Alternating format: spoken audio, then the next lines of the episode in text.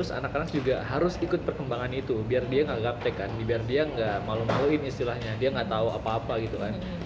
nah caranya gimana sih biar dia ini nggak gaptek tapi nggak kecanduan juga itu gimana ya Selamat Oke. datang di podcast Distraksi.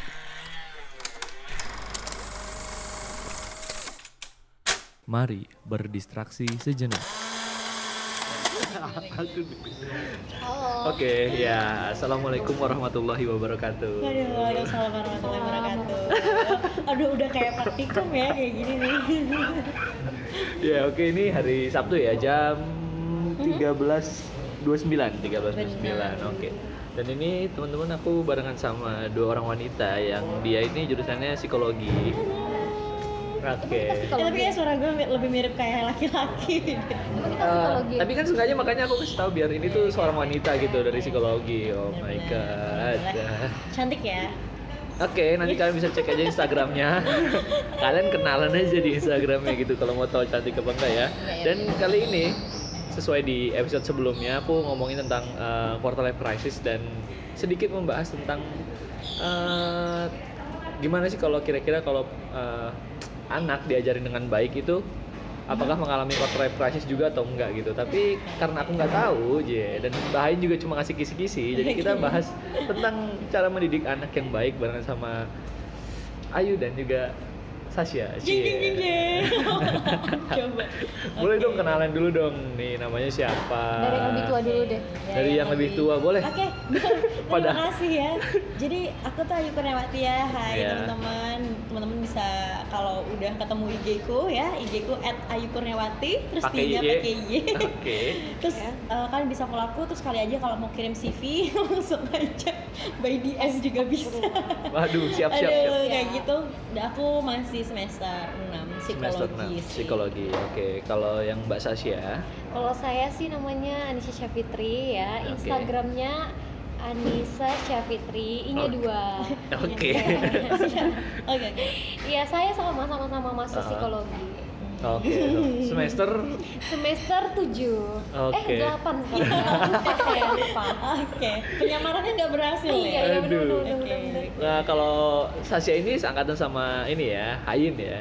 Iya Iya, benar yang di- kemarin ya. Nih yang kemarin. Ya hits banget itu ya. Waduh, siap. siap. Dan nanti buat kamu yang pengen tanya-tanya atau mau tanya tentang psikologi nanti aku taruh Instagramnya di description. Mereka berdua kamu tinggal DM aja mereka ya tentang psikologi gitu. Kalian aja, kali aja kamu mau curhat ya kan? Eh, boleh banget. Boleh ya? Di- Kali di- aja- diterima ya? Oh diterima curhatannya kali ya? aja Oke. curhatan beru- berujung dengan jodoh loh. Waduh. ya mungkin awalnya orang tua kita juga curhat-curhat dulu kan, terus Iya sampai dong. nikah. Oh, gitu ya. Oke. Jangan-jangan kita loh. Tidak, tidak ini kan podcast. Iya, Dulu orang tua iya. kita nggak bikin podcast. Oh, Iya. gitu, gitu. Jadi eh, kita bahas tentang ini ya, pendidikan anak gitu kayak Oke. mendidik anak ya nggak sih? Karena di zaman milenial sekarang ini, cie, anak-anak tuh ikut berkembang dengan zamannya ya nggak? Hmm. Jadi aku penasaran aja cara mendidik anak yang baik tuh kayak gimana. Terus katanya di psikologi juga ada tahapan usia. Benar. Terus di psikologi juga ya perkembangan ya. Iya. Ya itulah ya. Jadi kita klarifikasi nih sama anak-anak psikologi. Caranya yang bener tuh kayak mana gitu. Ini mau Waduh. kayak kuliah apa gimana? Iya. kita mulai dari yang kecil dulu. Nih, Ketika kecil ya. Cie, anak-anak anak-anak baru lahir gitu. Mungkin umur lima bulan. Adakah hal yang perlu diajarkan ke mereka? Jadi kita sesuai usia dulu dari umur berapa sih satu bulan ya? Ada nggak sih satu bulan itu atau berapa bulan dulu mulainya? Mulainya dari umur berapa? Bu- berapa bulan? Jadi sebenarnya kalau anak dari 0 bulan Oke. itu sebenarnya udah ada pengajaran-pengajaran tertentu. Mungkin kalau misal anak 0 bulan sampai satu bulan, dua bulan, tiga bulan itu lebih ke sensori motorik. Kayak misalkan kita ajarin mereka untuk eh, belajar naikin kepalanya kalau gitu lungkup, kayak gitu gerakin tangannya. Hmm. Terus kita cobain ada suara, terus dia sensi- sensitif nggak tuh sama suara itu, kayak gitu. Oh. Terus lebih kayak kalau dia lihat pandangannya kalau lagi baring nih anak-anak bayi kan sukanya baring ya terus lihat ke atas terus coba kita nih gerakin tangan kita dia ngikutin gerakan tangan kita nggak kayak gitu Oh. itu sebenarnya udah mulai ada pengajaran-pengajaran seperti itu ya Sya ya Iya, jadi emang eh, di psikologi itu emang ada tahap pertama tuh emang dari 0 bulan tuh emang udah harusnya apa sih yang dilakukan seorang anak itu udah contohnya tadi itu ya. Hmm, Eh, gitu. Terus berapa bulan tuh udah harus ngapain? Contohnya kalau yang apa ya kayak eh, umur-umur apa sih anak-anak TK gitu itu udah Hmm. harus misalnya eh, udah harus bisa ngomong berapa kata kayak Oke. gitu-gitu dari sekolah. Oh gitu ya. Jadi Berarti ada. udah ada gitu loh. Meskipun masih nol bulan ya. nol bulan Meskipun nol bulan udah ada ya. benar jadi dia tetap harus udah ada namanya tugas perkembangan untuk Mm-mm, anak tugas perkembangan. oke. Cuman Ah. ini tuh yang jadi masalah adalah banyak banget orang tua orang tua sekarang yang nggak paham tentang itu gitu loh, terlalu oke. diabaikan. Contoh kecil gini, ketika bayi nangis itu pasti dia punya kode sama orang tuanya. Bayi nangis apa sih Eh, pikiran orang kan pasti ah paling dia juga kalau lagi rewel dikasihin minum selesai, gitu ya. Oke. bener. Kalau misalkan popoknya Oh, popoknya, ini ya. apa, Ganti. basah kan dia risih tinggal diganti. Sebenarnya kan nggak gitu. Yang dibutuhin anak bukan cuma itu, tapi ketika eh, ini tuh sangat mempengaruhi anak loh di usia ke depannya meskipun dia masih bayi sekalipun meskipun kalau menurut kita kita bayi kita nggak inget nih bayi itu orang tua kita ngapain aja kita nggak inget ya cuman kalau kita itu nggak cepat-cepat nerima respon dari orang tua dari respon itu terabaikan itu akan terbawa sama anak kalau orang tua nggak cepat-cepat merubah itu jadi kalau misalkan ada eh, orang tua yang nggak mau cepat-cepat merespon anak tadi nih yang lagi rewel ke bawah dan nggak dirubah sama orang tuanya itu juga ke depan anak itu juga bakal cuek Cuek. acuh acuh Oh. itu bakal ada yang namanya gitu jadi kalau besok eh, dia ngelihat mamanya mamanya manggil eh, atau mamanya cuman kok mama capek ya itu kan sebenarnya kode kode Iya. dari orang tua nih dan dia nggak nggak Hmm. peka dengan hal-hal seperti itu Oke. akan terbawa Jadi kalau itu gitu berlanjut lah. Heeh, dia terekam memorinya Oke siap siap siap. Jadi itu eh, untuk yang masih istilahnya masih kecil ya untuk Iya. anak-anak ya masih nol bulan sampai berapa bulan tadi.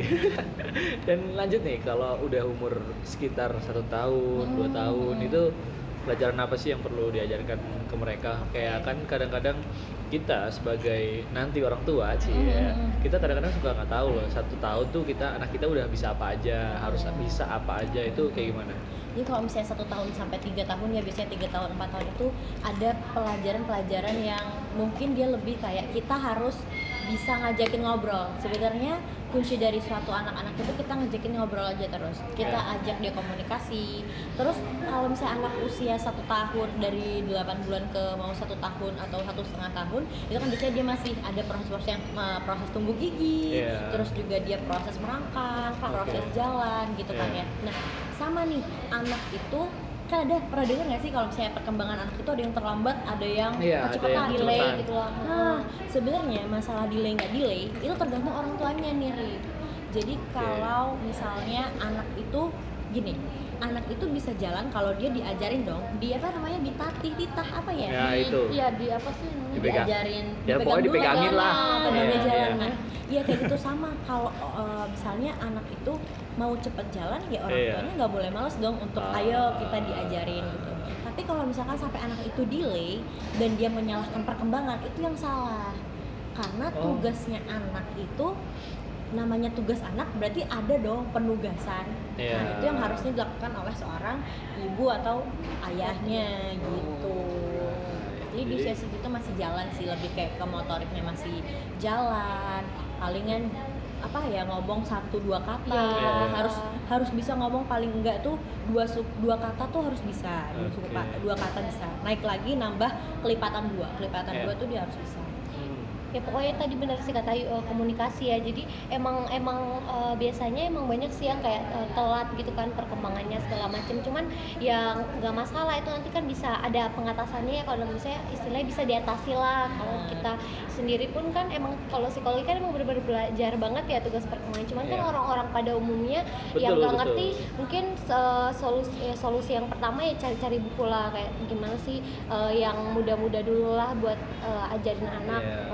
Perkembangannya gitu. Hmm. pokoknya komunikasi kita pokoknya harus bisa jalan gitu loh sama istilahnya eh, seiring dengan anaknya bertumbuh gitu ya. Nah itu kita harus selalu selalu inilah berusaha. Oke, Benar. Eh, biasanya ketika kan tadi udah dikasih tahu buat eh, dia bisa ngomong lah beberapa suku kata dan eh, kita sering mengalami meli- melihat lah istilahnya bukan mengalami ya melihat kayak orang tua tuh ngajarinnya "Oh, minum cucu minum cucu. Padahal itu kata Nah. yang sebenarnya susu gitu Iya, ya itu iya, bagaimana Oh, tanggapan di- psikologi?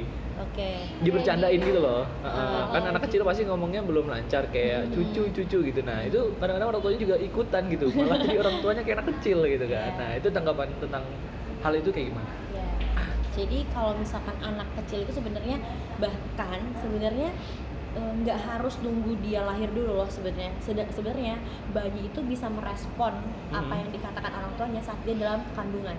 Jadi Oh. kenapa sih heeh, kenapa Baru sih anak saya. kecil itu waktu masih dalam anak kecil, anak biasanya bayi ya, Bayi, Iya, janin iya, iya. lah, jadi misalnya bayi masih di dalam kandungan Janin. itu kenapa eh, orang tuanya suggest untuk ngedengerin lagu-lagu klasik. Iya, Oh. itu mempengaruhi. Eh, ka- kalau di Islam mungkin murotal ya, Murotal. murotal kayak gitu. Kenapa orang tuh meskipun masih di dalam perut kita kok bacanya eh, buku-buku yang baik untuk anak ke depannya kayak mungkin buku-buku kisah Nabi atau Oke.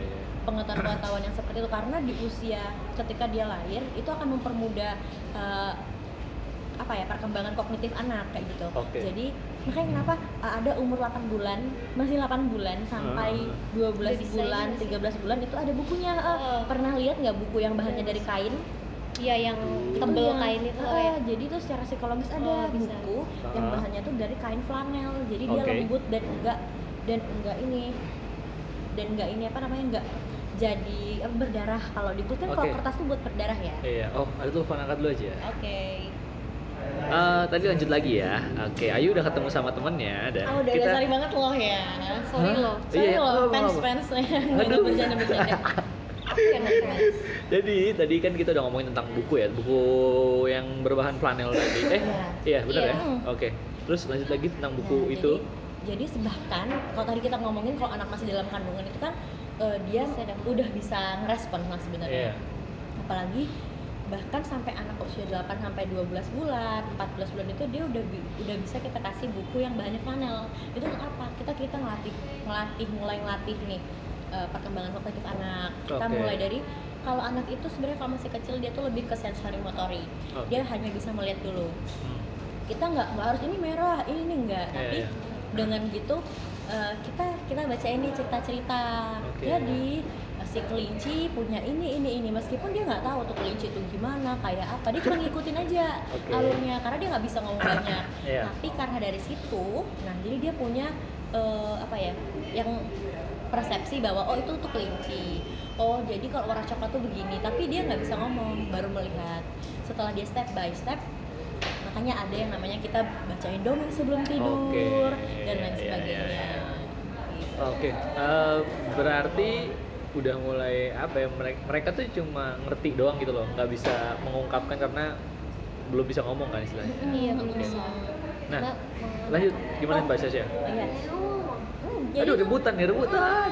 Jadi tuh tadi lari topik ya sebenarnya Iya, aku iya. mau nyampein makanya kenapa kalau meskipun dari segitu anak nggak boleh diajarin misalnya susu jadi cucu itu nggak boleh Iya. gitu jadi dari umur dalam kandungan pun ya kalau misalnya bacaannya susu tetap kita bacanya susu Iya. bahkan kenapa sampai ada buku ya kita bacanya sesuai dengan update kalau anak eh, kita bilang susu kita terus eh, anak kan masih kecil omongannya ini ya masih belum sempurna ya Iya, iya, jadi iya. ngomong tuh masih kalau susu mungkin cucu Oke. eh, terus tanya ayah yah yah Ah, gitu iya, enggak iya. tapi kita sebagai orang tua kita harus ayah sampai dia Oke. sampai dia ayah jadi nggak usah dipaksa besok Oke. ayah lagi ayah Dilatih terus gitu ya? dilatih terus gitu Oke. Oke, eh, Oke Mbak Ayu.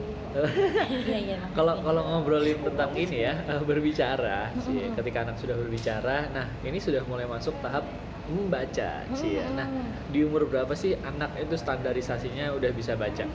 Hmm, mungkin gini sih kalau kalau yang aku sejauh yang aku pahamin Oke. itu tuh ngalir aja kok Oh nggak? tergantung secepat mungkin orang tua bisa mengajari anak jadi Oh. dengan cara tidak memaksa anak loh ya Oh, iya. kalau orang tuanya tanggap cepat untuk bisa ngasih dongeng apa segala macam mungkin anak Iya. yang kalau lebih Bisa tertarik ma ini apa bunga ini loh bunga gitu tapi Oke. untuk usia sendiri itu dari tiga tahun atau dari empat tahun anak sudah bisa mulai membaca bahkan anak-anak sekarang itu umur empat setengah tahun udah udah ada yang bisa baca Ba- Hmm. bacanya tuh bener-bener satu kalimat kayak gitu loh Iya, terus kalau ini kan kayak contohnya kan yang kalau kita mau TK gitu loh, kadang kan ah TK mesti mau SD. Iya, kan kadang betul. tuh cuman eh, apa kayak tes baca tulis yang selama Iya, itu betul, udah betul. bisa, terus sudah bisa masuk SD, Betul. kadang kayak gitu ya. Terus Iya. maksudnya yang aku mau sampaikan sih di sini, maksudnya itu oke lah eh, tahap perkembangan itu udah Iya. berjalan ya, maksudnya ah. istilahnya udah bisa nih membaca, tapi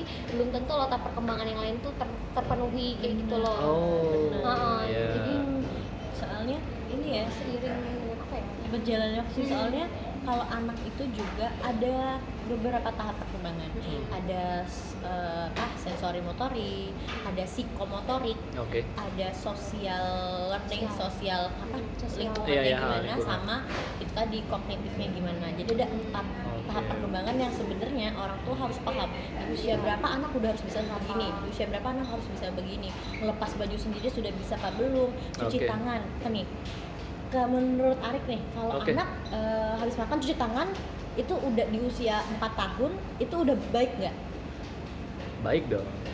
sebenarnya oh, di umur 4 tahun kalau Iya. anak habis makan itu dia cuci tangan di situ belum bisa baik Why? baiknya ketika dia habis makan cuci tangan terus dia lap tangannya Iya. itu baru baik Jadi emang ada standar Oke, sih, oke, gitu. oke, oke.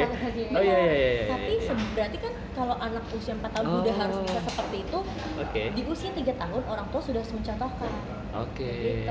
Ya, jadi emang harus banyak-banyak referensi sih, cari tahu cari tahu. Jadi bukan anak psikologi doang yang tahu ya. Iya, pasti betul. soalnya kita emang di mana-mana kayaknya ya. Udah ada anak-anak ya. kesehatan eh, tahu kok pasti Sudah banyak eh, banget kok buku-buku psikologi yang Oke. harusnya orang tua atau Hmm. mau menjadi eh, orang tua tuh harusnya sudah baca-baca Katanya buku umur, parenting bener umur kan sampai 2 tahun nah, kayak gitu kan kalau bisa udah tahu ya nah mungkin nanti pas udah mulai gede kalian apa kalian udah bisa Iya. cari tahu kayak buku-buku kayak gimana mengasuh anak ketika Oke. eh, udah dewasa menjelang dewasa Wow, oke oke oke, Gitu. keren keren keren keren. Nah, dan eh, lanjut lagi. Mhm. Jadi sebenarnya eh, kenapa aku ngomong tentang Mhm. nggak apa nggak apa. Tadi kenapa tadi aku ngomong tentang ba- udah bisa ngomong terus baca karena ya menurutku relevan aja gitu berhubungan gitu loh. Hmm, Dan ada satu kasus yang kalau kamu tahu Panji Pragiwaksono kan? tahu dong Tahu ya. Jadi anaknya itu dia pokoknya cuplikannya kayak gini lah. Nah, ntar ada cuplikan. gimana Kalau ini ada orang bakatnya luar biasa, nggak punya pede, nggak ke mana-mana. Maka percaya diri itu kunci sekali. Nah anak gua yang namanya Dipo, itu pernah ada kejadian gua nggak pernah lupa. Abis itu pendidikan tuh jadi sesuatu yang nempel banget di kepala gua. Waktu dia TK, sekarang dia kelas 1 SD. Tapi waktu dia TK 0 besar, ada masanya dia nggak mau sekolah. Terus gua, Gamila nanya sama dia, nggak pernah jawab. Muter-muter ada aja jawaban yang ngeles-ngeles gitu. Sampai akhirnya dia bilang, gue inget banget. Aku nggak mau sekolah, aku malu. Yang lain udah bisa baca tulis, aku belum, aku goblok. Itu anak TK 0 besar. Anak TK 0 besar nggak seharusnya ngomong kayak gitu. Emang dia nggak nggak mesti bisa. Tapi beberapa SD yang ilegal tuh, ini ilegal nih nggak boleh nih. Ujian masuknya tuh pakai baca tulis. Maka beberapa TK suka ngajarin. Dia nggak, Dipo tuh nggak harus bisa. Masalahnya yang lain udah bisa. Dan dia mengalami pressure itu. Bisa kebayang gak sih? I love my son, six years old, malu karena nggak bisa baca tulis. Sebentar gue pengen bilang sama anak gue bahwa gue pun mengalami hal yang sama. Karena tiap orang bakatnya beda-beda. Tapi toh pada akhirnya gue tahu bakat gue dan gue ketemu karir gue. Jadi gue bilang sama anak gue, nah nggak usah sedih. Ayah aja SD, SMP, SMA ranking paling bawah. Terus dia ngeliatin gue kayak, oh berarti nurun dari lu. Lu sih bego. Turun ke gue. Coba lu pinter. macam-macam sih ya Tapi Ya, anak gue pinter. gimana? Bener sih, kalian? kalau ada juga beberapa teori juga dari psikologi yang emang sebenarnya belajar membaca dan menulis itu ketika dia usia 6 tahun. Oke. Ya kalau di Indonesia mungkin 6 tahun itu saat dia baru masuk SD ya, Iya. primary school. Jadi emang eh, ada beberapa jadi emang ada beberapa pendapat yang mengatakan kalau belajar itu belajar emang khusus untuk membaca loh ya. Kita baca, kita dikte, berhitung itu di usia anak yang memasuki usia 5 sampai 6 tahun. Oke. Mungkin kalau di Indonesia itu tadi ya masuknya masuk di SD makanya kenapa ada juga eh, sebagian sekolah yang tidak menuntut tidak menuntut anaknya harus bisa baca Oke. karena masuk sekolah baru dia belajar baca tapi nggak menutup kemungkinan untuk kita sebagai orang tua memperbolehkan kok itu dibolehkan kalau misalnya anak emang bisa berkembang secara kognitif di usia yang golden age jadi golden Iya. age itu usia anak ketika dia 3 sampai enam setengah tahun Iya. itu di mana masa anak itu berkembang kognitifnya kayak dia mudah eh, imajinasinya berkembang Iya. kritis seperti Iya. itu di usia-usia seperti itu dan Hmm. di usia seperti itulah kita sebagai orang tua harus tahu ma- memasukkan eh, pembelajaran dengan metode yang baik kepada anak tuh seperti apa biar anak itu juga mudah nerima eh, pembelajaran itu. Oke, menurut Mas Asya itu itu sebenarnya nggak masalah ya maksudnya tadi eh, dia nggak bisa baca tulis Iya. baca tulis itu. Karena emang benar tadi di SD dipelajarin. Karena ada juga seko- sekolah gitu ya yang itu dia malah eh, apa namanya ngelihat ngelihat perkembangan dia yang lain gitu loh. Entah sosialnya entah apanya dan diterima pada akhirnya. Jadi Iya. nggak masalah sih menurut aku ya kalau misalnya dia eh, apa namanya bisa ya? eh, belum bisa baca tulis. Banyak kok ya kasus-kasus kayak gitu. Oke dan itu yang- bukan berarti ini ya telat ya maksudnya bukan berarti perkembangan dia tuh telat Eh, ya bisa di mungkin Gimana, gimana? gini sih kalau misalnya belum baca kalau baca loh ya itu sih Iya. mungkin kalau kita bilang telat sih kita nggak bisa ngurusin Heeh. sih itu telat atau enggak cuman Oke. kayaknya kalau di usia segitu setidaknya dia udah bisa mungkin yang dimaksud sama anaknya Panji dia mungkin udah bisa kali ya baca cuman emang Iya, belum jelas belum lancar gitu. belum lancar itu Iya. nggak Ah, masalah belum sih masalah. Tapi dia udah bisa baca suku kata itu udah baik sih Oke, dan eh, kalau kita denger stand up-nya dia sampai full itu benar-benar menggigit di akhir. Jadi terakhir itu dibilang kayak gini. Jadi suatu hari waktu dia TK, waktu TK nol besar, gue jemput dia. Jadi kan kalau misalkan anak-anak TK dijemput, orang tuanya itu nunggu di balik pintu kelasnya, di luar. Gak boleh masuk ke dalam karena takut ngeganggu. Nah waktu itu gue jemput dia nih, ini semua ibu-ibu nih, kecuali gue sendiri bapak-bapak. Karena kan biasa entertainer kan jamnya beda ya sama orang-orang lain. Jadi mumpung gue bisa, gue jemput aja anak gue. Mama semua nih kecuali gue.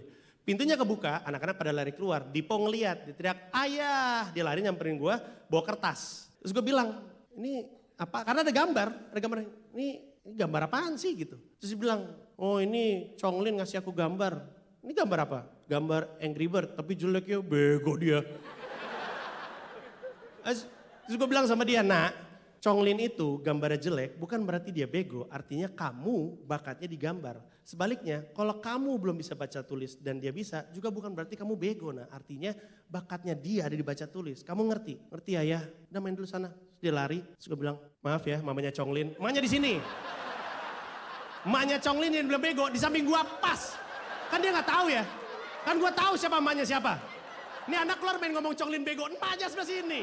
Nah, itu membuka apa ya pemikiran gitu loh membuka pikiran kita semua bahwasanya kalau umur 6 tahun tuh nggak salah maksudnya nggak salah belum bisa baca ya nggak sih Iya. Setuju ya? Oke, gokil ya. Benar. gimana gimana Iya Lanjut aja. benar. Jadi kalau misalkan anak itu emang punya bakat yang beda-beda ya. Jadi Iya. sebenarnya eh, untuk menuntut kalau anak itu harus bisa baca tuh enggak. Cuman tapi emang yang dibutuhkan oleh setiap orang adalah membaca ya. Hmm. Kita setuju ya dengan hal itu ya. Maksudnya dia bakat seni oke tapi kalau dia nggak bisa baca juga lucu. Iya. Tapi emang basically semua orang eh, setidaknya bisa membaca gitu ya. Tapi tidak menuntut dia harus pintar gitu Oke. loh. Nah mungkin kasusnya anak Panji tadi eh, masalah bakat itu kan terus sebenarnya ngomongin bakat. Jadi kalau misalnya bakat membaca tuh nggak ada sebenarnya. Tapi Iya. kalau misalnya bakat di ilmu ilmu ilmu lain, misalnya Iya. dia bakat matematika itu Hmm. baru bakat matematika, di seni itu nggak masalah. Jadi ada kasus mungkin gini.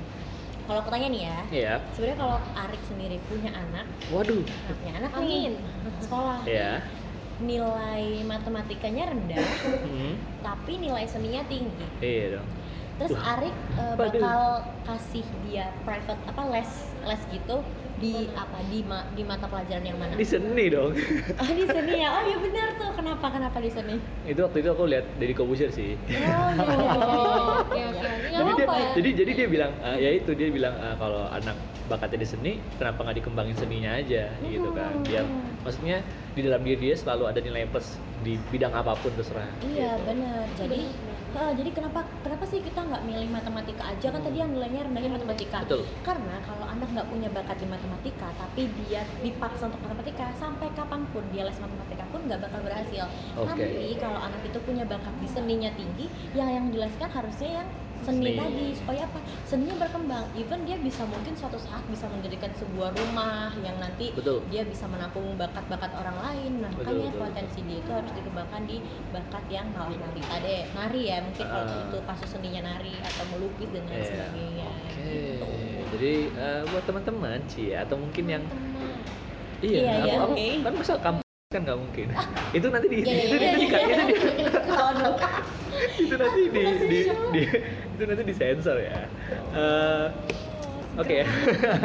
Aku masih. Oke oke. Oke, jadi eh, Allah. tadi biar teman-teman tuh juga pada tahu kalau bahwasannya ya pendidikan itu hal yang penting terus setiap anak punya bakat yang berbeda dan terkadang gini Iya, kita membahas tentang teknologi ya, Cil. Oke. Mulai masuk ke anak-anak yang mulai 4.0 ya. siap betul 4.0 yang ini kita mulai kebanyakan teknologi, mulai kebanyakan inovasi di dunia teknologi ya kan. Terus anak-anak juga harus ikut perkembangan itu biar dia nggak gaptek kan, biar dia nggak malu-maluin istilahnya, dia nggak tahu apa-apa gitu kan. Nah caranya gimana sih biar dia ini nggak gaptek tapi nggak kecanduan juga? Itu gimana ya? Oke. kalau Ini untuk gimana anak-anak ya, biar dia tuh nggak gaptek tapi nggak kecanduan juga.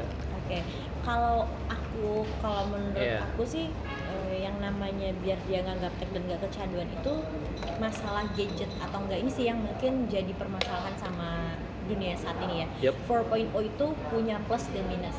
Pasti. Di era sekarang kalau kita nggak ngerti 4.0 kita bakal ketinggalan jauh. Betul. Tapi kalau kita belum punya base yang kuat untuk mendapatkan atau untuk kita megang eh, apa gadget lah istilahnya Iya. ya, itu kita bakal kewalahan sendiri. Mungkin kalau aku lebih nge-treat anak itu nggak aku kasih gadget dulu kalau misalnya dia masih Oh. kecil. Cuman kalau emang ada di waktu-waktu tertentu Iya. kita kasih gadget tapi ada kitanya. Jadi ada Oh, tetap ya Ah, diawasin. dan mereka tuh nggak boleh intensitas megang gadget itu terlalu lama gitu. Sebenarnya satu jam buat anak usia 4 sampai enam setengah itu udah udah lama banget loh. Berapa? Satu jam Satu itu jam. udah lama banget untuk anak usia segitu. Kenapa? Karena eh, ketika dia tidak mendapatkan hal yang lebih menarik daripada gadgetnya, Oh. dia maka akan sulit karena Betul, betul, betul, anak betul. segitu yang dia lihat adalah ketertarikan. Kenapa? Kan Iya. kenapa sekarang anak kecil sekarang lebih suka main gadget dibanding bantu orang tuanya Iya, dia. orang tua itu kan bisa masak ya masak itu sebenarnya Aha. menarik Iya, iya. tapi ada juga misalnya kenapa sih anak lebih suka main gadget dibanding main sama orang tua main puzzle padahal main Oh. puzzle juga menarik Iya, betul. tapi kenapa sekarang lebih sukanya main gadget karena Iya. itu tadi terlalu banyak ngasih jam atau ngasih waktu ke anak untuk main Oke. gadget sebenarnya bisa kalau anak itu nggak ketinggalan ya, nggak ketinggalan info tentang 4.0 ya dunia Iya, teknologi iya, iya, iya. itu dengan cara kita kasih gadget tapi itu kita dampingin Oke, sih. Berarti selalu tetap ada bimbingan ya. harus ada kitanya Dan ada kontrak waktu, Cie. ya jadi emang harus di maksudnya emang benar-benar di harus ada sama orang tuanya gitu loh jadi jangan apalagi Dilepas masih gitu ya? masih ya, ah, apalagi masih sekarang kan banyak ya anak TK tuh Wow, itu Aduh, keren sekali. banget. Dulu pas aku ceritanya sih pas aku kemarin magang, dengar cerita temanku magang di sebuah TK gitu kan. Iya. Eh, yang emang itu notabene ya keluarga menengah ke atas, Oke. menengah ke atas Iya, ya iya. kan? Ha. Terus eh, jadi emang bener-bener dari eh, dia itu apa namanya di ini bener-bener dikasih teknologi gitu loh. Jadi dari HP terus Oh. Di, apa namanya tuh kayak eh, tablet apa sih? Iya, tablet. Ya itu pokoknya. apa sih namanya Oke. itulah. Terus jadi dia bener-bener ini banget gitu loh jadi nggak diawasin juga orang tua juga sibuk Oh. bekerja kan itu ya bahaya gitu loh kalau nggak di jadi emang harus diawasin gitu Oke, selalu ada ya itu tadi kontrak waktunya ya buat anaknya sendiri ya. Dan eh, aku mau nanya nih, ini terlalu jauh kan ya kayaknya udah, udah terlalu jauh nih. Jadi sebelumnya Ayu pernah bilang, kita sebelumnya udah pernah ngobrol dan Ayu bilang kayak eh, kita itu Iya. Hah? Oke, tadi eh, Ayu pernah bilang kalau kata jangan itu ke anak nggak boleh. oh iya Nah, itu gimana Ayu? ya jadi kalau untuk kita ngebahas tentang pola asuh ya itu jatuhnya ya Iya. pola asuh anak itu eh, kita tuh kalau bisa kalau bisa dihindarin banget untuk mengeluarkan kata-kata jangan jadi ada nih tips Kata-kata Marion tips. Jola, Eh, iya benar-benar Oke, gitu ya? bisa jadi bisa apa sih gue gak ngerti jangan jangan Marion Jola. Maksudnya aku lagunya Nisa Sabian ya. Oke, Masya Allah. Murotal, murotal. Siap, siap, siap. Sombong banget nih mantan Ya. Green FM ya. Oh iya, iya. Aduh, kamu juga Green FM ya? Iya dong. Saya aku udah agak lupa sama Green FM. jadi, jadi kalau Lanjut, lanjut. misalkan Oh iya, nggak apa-apa, Jadi ada tips and trick nih untuk kita nanti jadi calon orang tua ya. iya Oke. itu Kata-katanya eh, jangan Iya. atau kamu Mm-mm. itu diganti dengan aku. Saya gini, Gimana? Kamu- Kamu jadi aku? gini. Oke. kamu eh aku bisa gini aku nggak suka deh kamu tuh eh, mainnya gadget terus gitu saya mama nggak suka deh kamu tuh mainnya gadget terus tapi coba ganti gini Eh, mama tuh suka eh aku ya aku tuh diganti dengan eh mama tuh aku ya berarti Iya, ya iya, iya, iya. aku suka deh kalau misalnya kakak itu eh, bantuin mama lagi kayak gini gitu loh paham Oke, nggak? iya iya iya iya. jadi eh, jangan itu diganti dengan saya suka Saya suka. bukan kamu jangan tapi saya suka Berarti mencari Jadi kayak- alih itu ya, Hmm. distraksi buat dia tuh nggak main ke situ. iya jadi kayak apa ya di iniin lah bahasanya di kayak sih dicontohin gitu Iya. lah yang baiknya kayak gimana gitu apa sih bahasanya jadi lebih ke pengharapan Oke. bukan dilarang nggak kayak gitu bukan pengarahan ini Oke, berarti ya istilahnya dialihkan gitu loh. Oke. Eh, berarti cara kita untuk bilang eh jangan naik-naik itu gimana? Jangan naik naik gini Ah, jangan naik meja misal, Oh. jangan naik kursi gitu. Oke, kalau sebenarnya kalau dibilang jangan itu anak mungkin lebih bisa masuk kalau kita kasih pengertian ke anak. Iya. Jadi gini, kata jangan lebih baik diganti gini. Eh, misalnya kakak ya, mungkin kalau kita punya adik ya, Oke. kakak ya, kakak ya. Siap, siap, Terus saya siap, gini, siap. iya Kakak lebih suka deh kalau misalkan kamu duduknya di bawah aja, terus bilang kan meja tuh tempatnya untuk naruh barang, bukan Hmm. untuk duduk. Kalau kursi gunanya untuk apa gitu? Duduk. Jadi kita kasih pengertian kalau meja itu bukan tempat untuk duduk. Misalnya kalau dia duduknya di atas meja Iya, iya, gitu iya, loh. iya. Nah, kita kasih pengertian kalau meja itu tempatnya untuk ini, ini, Oke. ini. Kalau kursi itu pakai duduk. Terus kita kasih pengertian. Mungkin kalau anak usia 3 tahun, 4 tahun masih belum ngerti tentang sopan dan santun ya. Iya. Tapi ketika dia udah masuk ke lima tahun, 6 tahun dia bakal bertanya lagi, "Eh, kenapa eh, kenapa sih kita nggak boleh duduknya di atas meja gitu?" Iya. Terus gini, eh, kalau misalnya kita ada makanan nih, Hmm. ih, masa kalau ada makanan duduknya di sama di atas meja sih kayak gitu. Iya. Lebih dikasih sebenarnya pengertian dari kegunaan tempat-tempat itu apa sih? sambil belajar gitu ya mbak Iya. Iya, belajar ya. Jadi aku mau apa jadi lupa ya Iya, iya. Ada nggak? Ada nggak? Kasih tahu dulu dong. ya pokoknya ini sih kayak apa ya kata-kata istilahnya negatif gitu ya jadi pokoknya Iya. jangan apa ya kayak ya bener jangan tuh ber- berpengaruh sih ya Iya, Tapi iya. walaupun kan kadang kita juga nggak sengaja gitu ya, ya? eh, keceplosan cuman ya dikasih alasan lah kenapa eh, dia dilarang seperti itu Oke. Ada nggak sih selain kata jangan yang nggak boleh? Kalau kata-kata yang nggak boleh tuh mungkin kalau keras ya sama anak itu sebenarnya nggak boleh. Kata-kata yang kurang baik itu lebih baik dihindarin sama anak. Tapi ada tiga tiga magic words yang emang kita harus ajarin ke anak. Itu kayak terima kasih Iya. minta tolong sama maaf. Itu adalah kata-kata yang memang kita tiga harus ajaib ajaib. Oke. ya three magic words yang harus kita ajarin dari kecil sama anak Oke, jadi teman-teman udah tahu ya kalau jangan tuh nggak boleh. jangan jangan ya jangan tuh jangan Jangan tuh nggak boleh. Jangan tuh nggak boleh. jangan nggak boleh. oke oke Nggak boleh bukan bukan. ya Iya, nggak boleh bukan jangan. Jangan tuh jangan ya. jangan Nah. tuh sayur loh saya pusing pusing pusing Oh, Iya kan? Jangan iya, tuh sayur oke. kan? iya tuh Ya, nggak, ini teman-teman Oke, yang agak masuk. gila ya. Iya, rada gila ya. Lanjut nih. eh, Rada. Ya, dia gimana gimana gimana gimana Dia bentar aja gimana Iya, dia iya, iya, dia jangan, depan dia. Oke. Oke. Padahal aku nggak mau bahas, kamu malah bahas Iya iya, jadinya kan. paham soalnya. Oke, lanjut. Ya oke. Oke lanjut lagi ya. Eh, bahas tentang tadi tentang three magic word tadi ya. Yes. Oke. Itu kenapa sih harus? Iya kan? Hmm. magic word. Kenapa harus diajarkan ke mereka? Karena kalau anak sih ruang lingkup anak itu pada saat masih kecil banget itu kita tuh sebenarnya usia dewasa pun itu nggak lepas dari magic word itu. Iya. Kenapa magic word itu harus ditanamkan sama anak dari kecil? Karena kita nggak bakal pertama. Kenapa sih kita harus minta min- belajar untuk mengatakan minta tolong? Kita hidup itu sosialis ya, jadi nggak Iya. mungkin bakalan kita itu gak membutuhkan orang lain. Iya, gitu loh. pasti. Dan kebanyakan orang zaman sekarang kalau minta tolong tuh jarang banget untuk bilang "Eh, maaf ya aku minta tolong nih Iya. gitu enggak kan pasti Aha. kayak misalnya aku nih juga mungkin karena dulunya jarang diajarin terima word ya kalau bisa minta tolong pasti bakal gini Syah tolong eh Syah ambilin ini sih gitu Iya. kayak gitu itu pasti kayak gitu Iya, cuman iya, iya. Itu yang mungkin harus kita pelajarin sekarang ya. Karena nggak ada juga kata yang kata terlambat. Jadi itu kayak misalnya udah dimintain tolong Iya. kan sebelum kita minta tolong kita minta maaf dulu dong. Betul. Syah maaf. Gitu dong. Iya. minta tolong dong kayak gitu. Habis itu kita setelah dika- dikasihin bantuan pasti kita harus bilang apa makasih Makasih. dan itu yang nggak bakal lepas sampai kita nanti meninggal juga kayak gitu Wow, ini berarti sangat berguna lah itu istilahnya ber- biar berpengaruh banget sih sopan santun ya? eh, sama orang yang di tadi juga ya yang diterima kasihin yang Iya. diminta tolongin itu Ah. juga berpengaruh banget ya contoh kata terima kasih itu bener-bener kayak mengapresiasi gitu loh orang yang udah Iya. tolongin kita terus emang itu jadinya orang yang udah nolongin kita tuh rasanya lebih bahagia pasti ada Makasih ya, Syah. efeknya sama-sama makasih ya Yu banget. Kalau itu kan Oke. satu contoh ya. Oh, contoh, contoh. Iya, Oke, iya. oke. Oh, iya. Bahagia gitu ya. Oke, siap, siap. iya bahagia gitu Eh, lanjut lagi nih ya tentang Iya, iya. anak nih. Nah, eh, di umur berapa, Cie? Mhm. Anak diajarkan agama, Cie. Mhm. Iya. Itu Di umur berapa? Di umur berapa? Di umur berapa? Mulai umur berapa anak sudah diajarkan agama dan bagaimana cara mengajarinya? Loh, Ini dalam oke. agama Islam ya? Iya Oke. benar. Jadi sebenarnya anak diajarin agama tuh sebenarnya mulai Dari dari, dalam kandungan, kandungan. ya. Oke.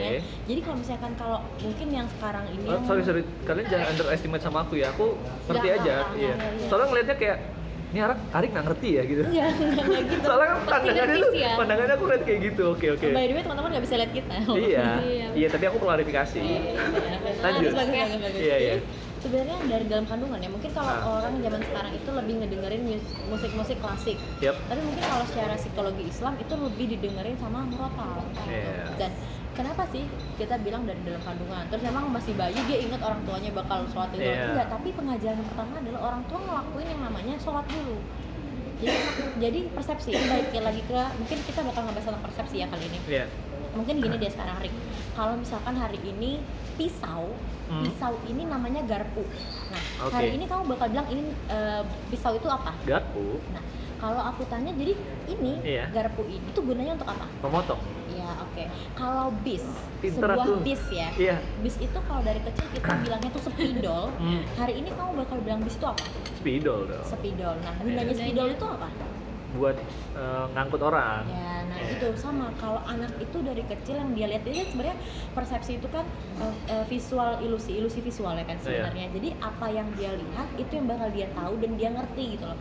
Jadi anak itu kalau menurut teori Bandura di psikologi itu Oke. anak itu melihat dulu, terus dia mengerti, baru dia memahami. Jadi Oke. setelah dia tahu, eh, dia ngerti nih. Eh, setelah dia lihat, dia ngerti, Iya. dia paham jadinya kan. Nah, sama kayak anak kecil. Kalau anak itu diajarin uh, agama tuh mulai kapan? Dia mulai dari dia bayi pun kita harus ngajarin agama kayak Oke. misalkan mulai dari membacakan buku-buku tentang uh, apa namanya mungkin kisah-kisah nabi gitu Iya. ya. Sholat orang tuanya, orang tuanya sedekah, orang tuanya infak kan kayak Puasa gitu ya. Puasa, bantu orang lain itu kan juga salah satu pengajaran agama gitu. oke betul menurut Sasya apa tadi oh iya iya belajar Sa- agama ya. iya belajar agama. Aku belum. sangat sangat polos. Aku, Iya, iya, aku kaget loh tiba-tiba apa tadi? Kamu ke mana Sasya Iya, gimana? lanjut ya? kalau iya kalau belajar agama itu ini ya emang harus harus dari kecil. Ya kayak Iya. tadi contohnya misalnya dia eh, apa tadi ngajarin kisah-kisah nabi gitu ya. Iya. nah pokoknya eh, emang emang apa kan anak itu ketika dia udah lahir itu kan emang lingkungan sosialnya ya keluarga gitu loh jadi emang harus istilah harus eh, terbiasa lah kita udah mulai kita mulai ngajarin dia agama itu perlu Iya, banget oke. terus misalnya nanti dia udah udah umur umur apa ya sebelum pokoknya pas umur umur tiga tahun 4 tahun pokoknya dia udah harus bisa eh, udah diajarkan sholat Iya. seperti itu. Jadi dan itu emang eh, istilahnya yang paling penting gitu loh. Oke lah sekolah misalnya penting. Misalnya ya eh, ada anak yang suka bolos gitu kan Iya.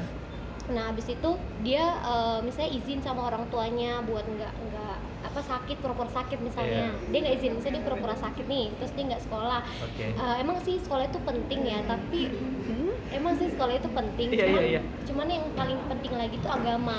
Jadi Oh, malah eh, kalau dia izin buat ngaji, kalau bisa jangan diizinin gitu. Maksudnya Hah? jangan diizinin, jangan diizinin buat nggak datang Oh, ngaji iya, misalnya. iya, iya, iya. Ya jadi dari dari kecil tuh kalau bisa di- udah disuruh ngaji ke misalnya di masjid Ya, dekat TPA, rumah, TPA gitu Ah, ya. TPA TPA kayak gitu dan itu emang yang malah paling penting yang paling utama gitu loh. Iya, Baru iya, betul, kayak betul. pendidikan pendidikan kayak Pendidikan sekolah, formal gitu ya. ah, pendidikan formal sekolah dan lain-lain. cuman ah benar tapi Oke. mungkin yang jadi hal yang harus kita lihat lagi ya Concern banyak ya. eh, banyak orang tua yang menginginkan anaknya anaknya bela- belajar ngaji tapi orang tuanya sendiri nggak mencontohkan itu Iya, itu yang sebenarnya ngebuat jadi anak itu berat berat untuk Iya. melakukan hal apa yang disuruh sama orang tuanya kebanyakan orang tua pingin yang terbaik buat anak ya tapi kadang an- orang tua tidak melakukan hal yang terbaik juga untuk ditunjukkan kepada anak itu yang mungkin Oh. jadi penting sulit banget Iya, Nah, iya, kalau iya. kita pingin kalau kan sebenarnya kalau kita itu ngaji di rumah kita sering bilang eh kita hal-hal kecil lah ya mungkin Iya. berdoa sebelum makan suaranya dikerasin tujuannya bukan untuk uh, ria Iya. tapi untuk ngajarin anak nih kalau oh kalau mau makan tuh berdoa, Berdoa dulu. dulu. dari hal yang kecil kan ntar dia emang mama ngapain sih gitu Oh, iya. berdoa Contohnya gitu. berdoa itu untuk apa pasti dia bakal nanya-nanya nih berdoa itu untuk mensyukuri nikmat yang udah Allah kasih misalnya gitu Iya. terus eh, misalnya oh jadi kalau misalnya mau makan tuh berdoa ya mah kalau mau masuk kamar mandi itu berdoa ya jadi oh ternyata jadi hal-hal sederhana sih hal-hal itu nanti setelah dia ngaji misalnya orang tua ngaji ngap mah ngaji itu untuk apa sih gitu untuk supaya kamu pintar nih Iya. ngaji bisa bisa bantu mama nanti di surga Iya, kayak gitu-gitu kan betul, betul. jadi dari situ ntar ah, ntar ada yang ngaji ya biar bisa bantu mama masuk surga gitu Oh, ntar oke. ntar dari situ dia mau tuh ngaji kayak gitu bener-bener. Karena mamanya karena dia bakal ada yang namanya mamaku ngaji aku harus lebih bisa ngaji gitu Oh Ini iya iya iya. ya, Lebih orang tua yang terpicu harus- gitu ya buat Hmm. ngaji juga ya. Dan tadi Ayu sedikit menyinggung tentang biar masuk surga, c Ya. gitu. Aduh, mantap. Dan sebenarnya sebenarnya oke sebelum di episode sebelumnya itu aku jawab tentang hal uh, oh bukan aku ngasih pertanyaan terakhir untuk pendengarku. Jadi bilangnya gini. uh, selama ini yang kita lakuin itu untuk mempersiapkan kehidupan atau mempersiapkan kematian. Jadi itu masih bakal jadi pertanyaan seumur hidup setiap manusia dan gimana ketika anak kecil menanyakan dia hidup ini untuk apa? Ya, itu gimana? Ini kalau bisa ada anak kecil ya karena gini analogi aku mungkin pertama bakal aku kasihkan analogi analogi dulu ya Iya betul. kalau anak kecil kalau misalnya dia nanya nih sama kita sekarang "Eh, mbak misalnya gitu ya kok mbak pakai kaos kaki sih gak mungkin Iya. dong kalau anak kecil terus kita jawab iya ini aurat misalnya Oh, gitu nih iya, iya, "Ya, iya. karena To the point, to the bla, bla." point. dia nggak bakal bisa nerima itu Iya. anak kecil nggak tahu apa apa jadi kalau misalnya anak kecil di- dia nanya nih kenapa sih mbak harus pakai kaos kaki jawabannya Iya. simpel aja iya biar nggak kena panas biar Oh. nggak biar nggak hitam jawabnya gitu nggak Pak, oke. itu nggak apa-apa itu namanya Itu nggak bohong tapi ya? itu nggak bohong kan Bener. itu bener kan selain Iya emang, benar benar. ah, Ah, Iya bener maksudku. itu jadi Iya. kita jadi gini kalau kita mau ngasih tahu orang itu yang jadi gini kalau misalnya kita berat untuk mengatakannya setidaknya kita nggak boleh berbohong soalnya Rasulullah sendiri ketika bercanda dia nggak pernah bohong Oke, gitu. betul. Nah, jadi kalau misalnya anak itu nanya misalnya "Eh, kehidupan itu untuk apa sih mas? Misalnya kayak gitu ya. Si Itu kecil dia. si kecil banget nih bilang aja. Jadi kehidupan itu untuk kita persiapkan nanti di setelah ini ada yang kehidupan lebih indah. Kayak gitu. Jawabannya gitu. Kehidupan lebih indah tuh yang gimana? Baru ceritain aja. "Eh, kamu ingat nggak ceritanya? Misalnya kisah nabi siapa yang nyeritain tentang surga? Terus nanti pasti dia nanya surga itu apa. Nah setelah dia tahu surga itu apa jadi kehidupan itu untuk ke surga, Ke surga. Gitu. Oke. Jadi dianalogiin gitu ya. Dianalogikan Biar lebih aja. simple ya. jadi eh, jangan berat lah bahasanya Betul betul betul betul. Banyak ya sekarang ya kayaknya eh, Ah, banyak kok. anak-anak tuh udah pinter gitu ya. Iya, udah- daripada nanya- nanya. "Oh, malah Mulai Allah kritis." itu apa Dan- malah Nah, gitu ya itu Allah gimana jawabnya? di mana Nah, kayak itu gitu gimana ya Iya, jawabnya? yang Jadi, kayak eh, ceritanya di YouTube. Oh, iya, iya, iya, iya. Kayak cerita di Kalau YouTube. aku mungkin ya, ini pernah pernah ya. Aku mungkin pengalaman sih punya ponakan ya. Iya. Punya ponakan. Terus tiba-tiba dia nanya, "E, Allah itu siapa? Gitu. Waduh. Aduh, gitu. Allah itu apa, Mbak? Allah itu di mana? Kayak gitu. Terus aku Oke, bingung oke, ya, oke, oke, "Ah, gimana nih jawabnya? Mungkin kalau aku lebih kayak gini. Eh, Adit, Adit kalau makan itu makan makan nasi ya, iya mbaknya juga makan nasi. Terus kalau makan nasi itu Hah? dari mana gitu. Terus Oh. nanti kita cerita Ah. dari nah, dari mungkin kalau anak kecil simpel ya jawabnya misalnya dari mamanya Adit masak Pokoknya kayak gitu ya Wah ini Nah, kejadian kemarin nih. iya Aku alamin gitu ya. kemarin. oh, Iya, iya, lanjut, lanjut, lanjut. mamanya Adit masak Sama temen nih? mamanya Adik aku. Adit hmm, mamanya Adit masak eh, bahannya dari mana dari warung Iya. kayak gitu Iya, iya, tanya aja lagi nah kalau Terus? dari warung intinya yang pada akhirnya adalah kalau tanaman itu tumbuhnya dari mana gitu Iya betul. itu pasti ada yang ciptain nah Hmm. ciptain itu uh, itu namanya Allah terus kita cerita Adit itu yang nyiptain siapa terus jadi udah mulai ngerti oh Allah kayak gitu. Oh, jadi. Allah tuh di mana? Allah itu uh, ada deket Adit. Jadi kalau misalnya Adit bohong Adit uh, apa jahat sama orang Allah lihat kayak jadi Iya. lebih kayak gitu jangan bilang kalau Allah tempatnya di ars ya itu dia nggak bakal ngerti Wow, ya ars tuh pusing. di mana jawabnya iya, bingung betul, lagi betul, betul. gitu ya Oke, Kayak menurut gitu sih. pendapat Mbak Sasya? Eh, iya sebenarnya pokoknya gini apa namanya sama halnya kalau kita cerita kayak gitu ya ke anak kecil sama aja kita cerita ke orang-orang yang benar-benar eh, mungkin masih Masih, bingung ah, bimbang awam. gitu sebenarnya uh, sebenarnya Allah itu di mana sih kayak maksudnya kita menganalogikannya seperti itu jadi sama kan anak kecil itu yang nggak tahu apa apa dengan ini jadi kita menganalogikannya itu emang nggak mungkin sesuatu tuh tercipta dengan sendirinya kan pasti ada yang Iya. menciptakan kayak misalnya ini kursi pasti ada yang menciptakan pembuat kursinya itu kayak Iya. gitu kan yang Bisa. yang buat kayunya itu siapa kayak gitu jadi Iya. emang kita menganalogikan karena anak kecil itu seperti orang yang kayak emang bener-bener nggak tahu apa-apa kan Oh, jadi oke. emang benar kata Ayu dianalogikan gitu nggak bisa langsung tahu Iya. sama sih sebenarnya sama konsep orang dewasa yang nggak Nggak ngerti. ngerti apa. jadi kalau ada orang dewasa nih udah gede udah gede Oke. dia nggak ngerti tapi dia Iya. mungkin saat ini posisi dia eh, mau belajar Iya. mau berubah ya mau hijrah mau Hijrah. belajar nggak bisa loh kalau misalkan ada orang yang mau belajar baru belajar terus kita bilang eh, misalnya gini kenapa sih eh, langsung eh, harus tutup aurat gitu. Terus kita bilang Iya. karena hadisnya gini nggak bisa Waduh, orang kayak gitu Susah karena menerima. mikirnya gini susah menerima karena ya kalau itu mah gue juga udah tahu dia bakal bilang gitu kalau Iya, gitu iya, mah gue iya. juga udah tahu tapi gue nggak butuh konkret kayak gitu jadi kita harus kasih analogi analogi gitu loh nggak Hmm. bisa kalau misalnya kalau lu nggak pakai jilbab ntar orang tua lu keseret ke neraka ya dia mah bodo amat nggak nggak Oke. bakal peduli karena kalau misalnya Hmm. oke kalau orang tuanya baik baik aja kalau dia broken home misalnya dia Oh. benci ayahnya Iya. ya udah bagus lah kan nggak betul. bisa kita harus kasih analogi analogi ringan sama orang-orang gitu Dan ya kalau ngomongin tentang ini agama ya, Mm-mm. yang eh, ada satu mungkin ini buat orang-orang yang baru mau hijrah sih gitu. Cie. Jadi jadi ada ada video, Amin. ada ada video, ada video. Oke, jadi ada video video. eh, video ceramah yang itu eh, simple dan anak muda banget gitu kan. Ah. Dia itu eh, bahasannya tentang gue muslim gitu. Pokoknya ya gitu doang lah. iya iya Ya iya, itu kalian denger aja nanti di YouTube. Mm. Dan lanjut lagi tentang anak, cie. Ini anak mulu ya, padahal kita belum punya. punya iya. anak Hmm, mungkin Arif mau menikah ya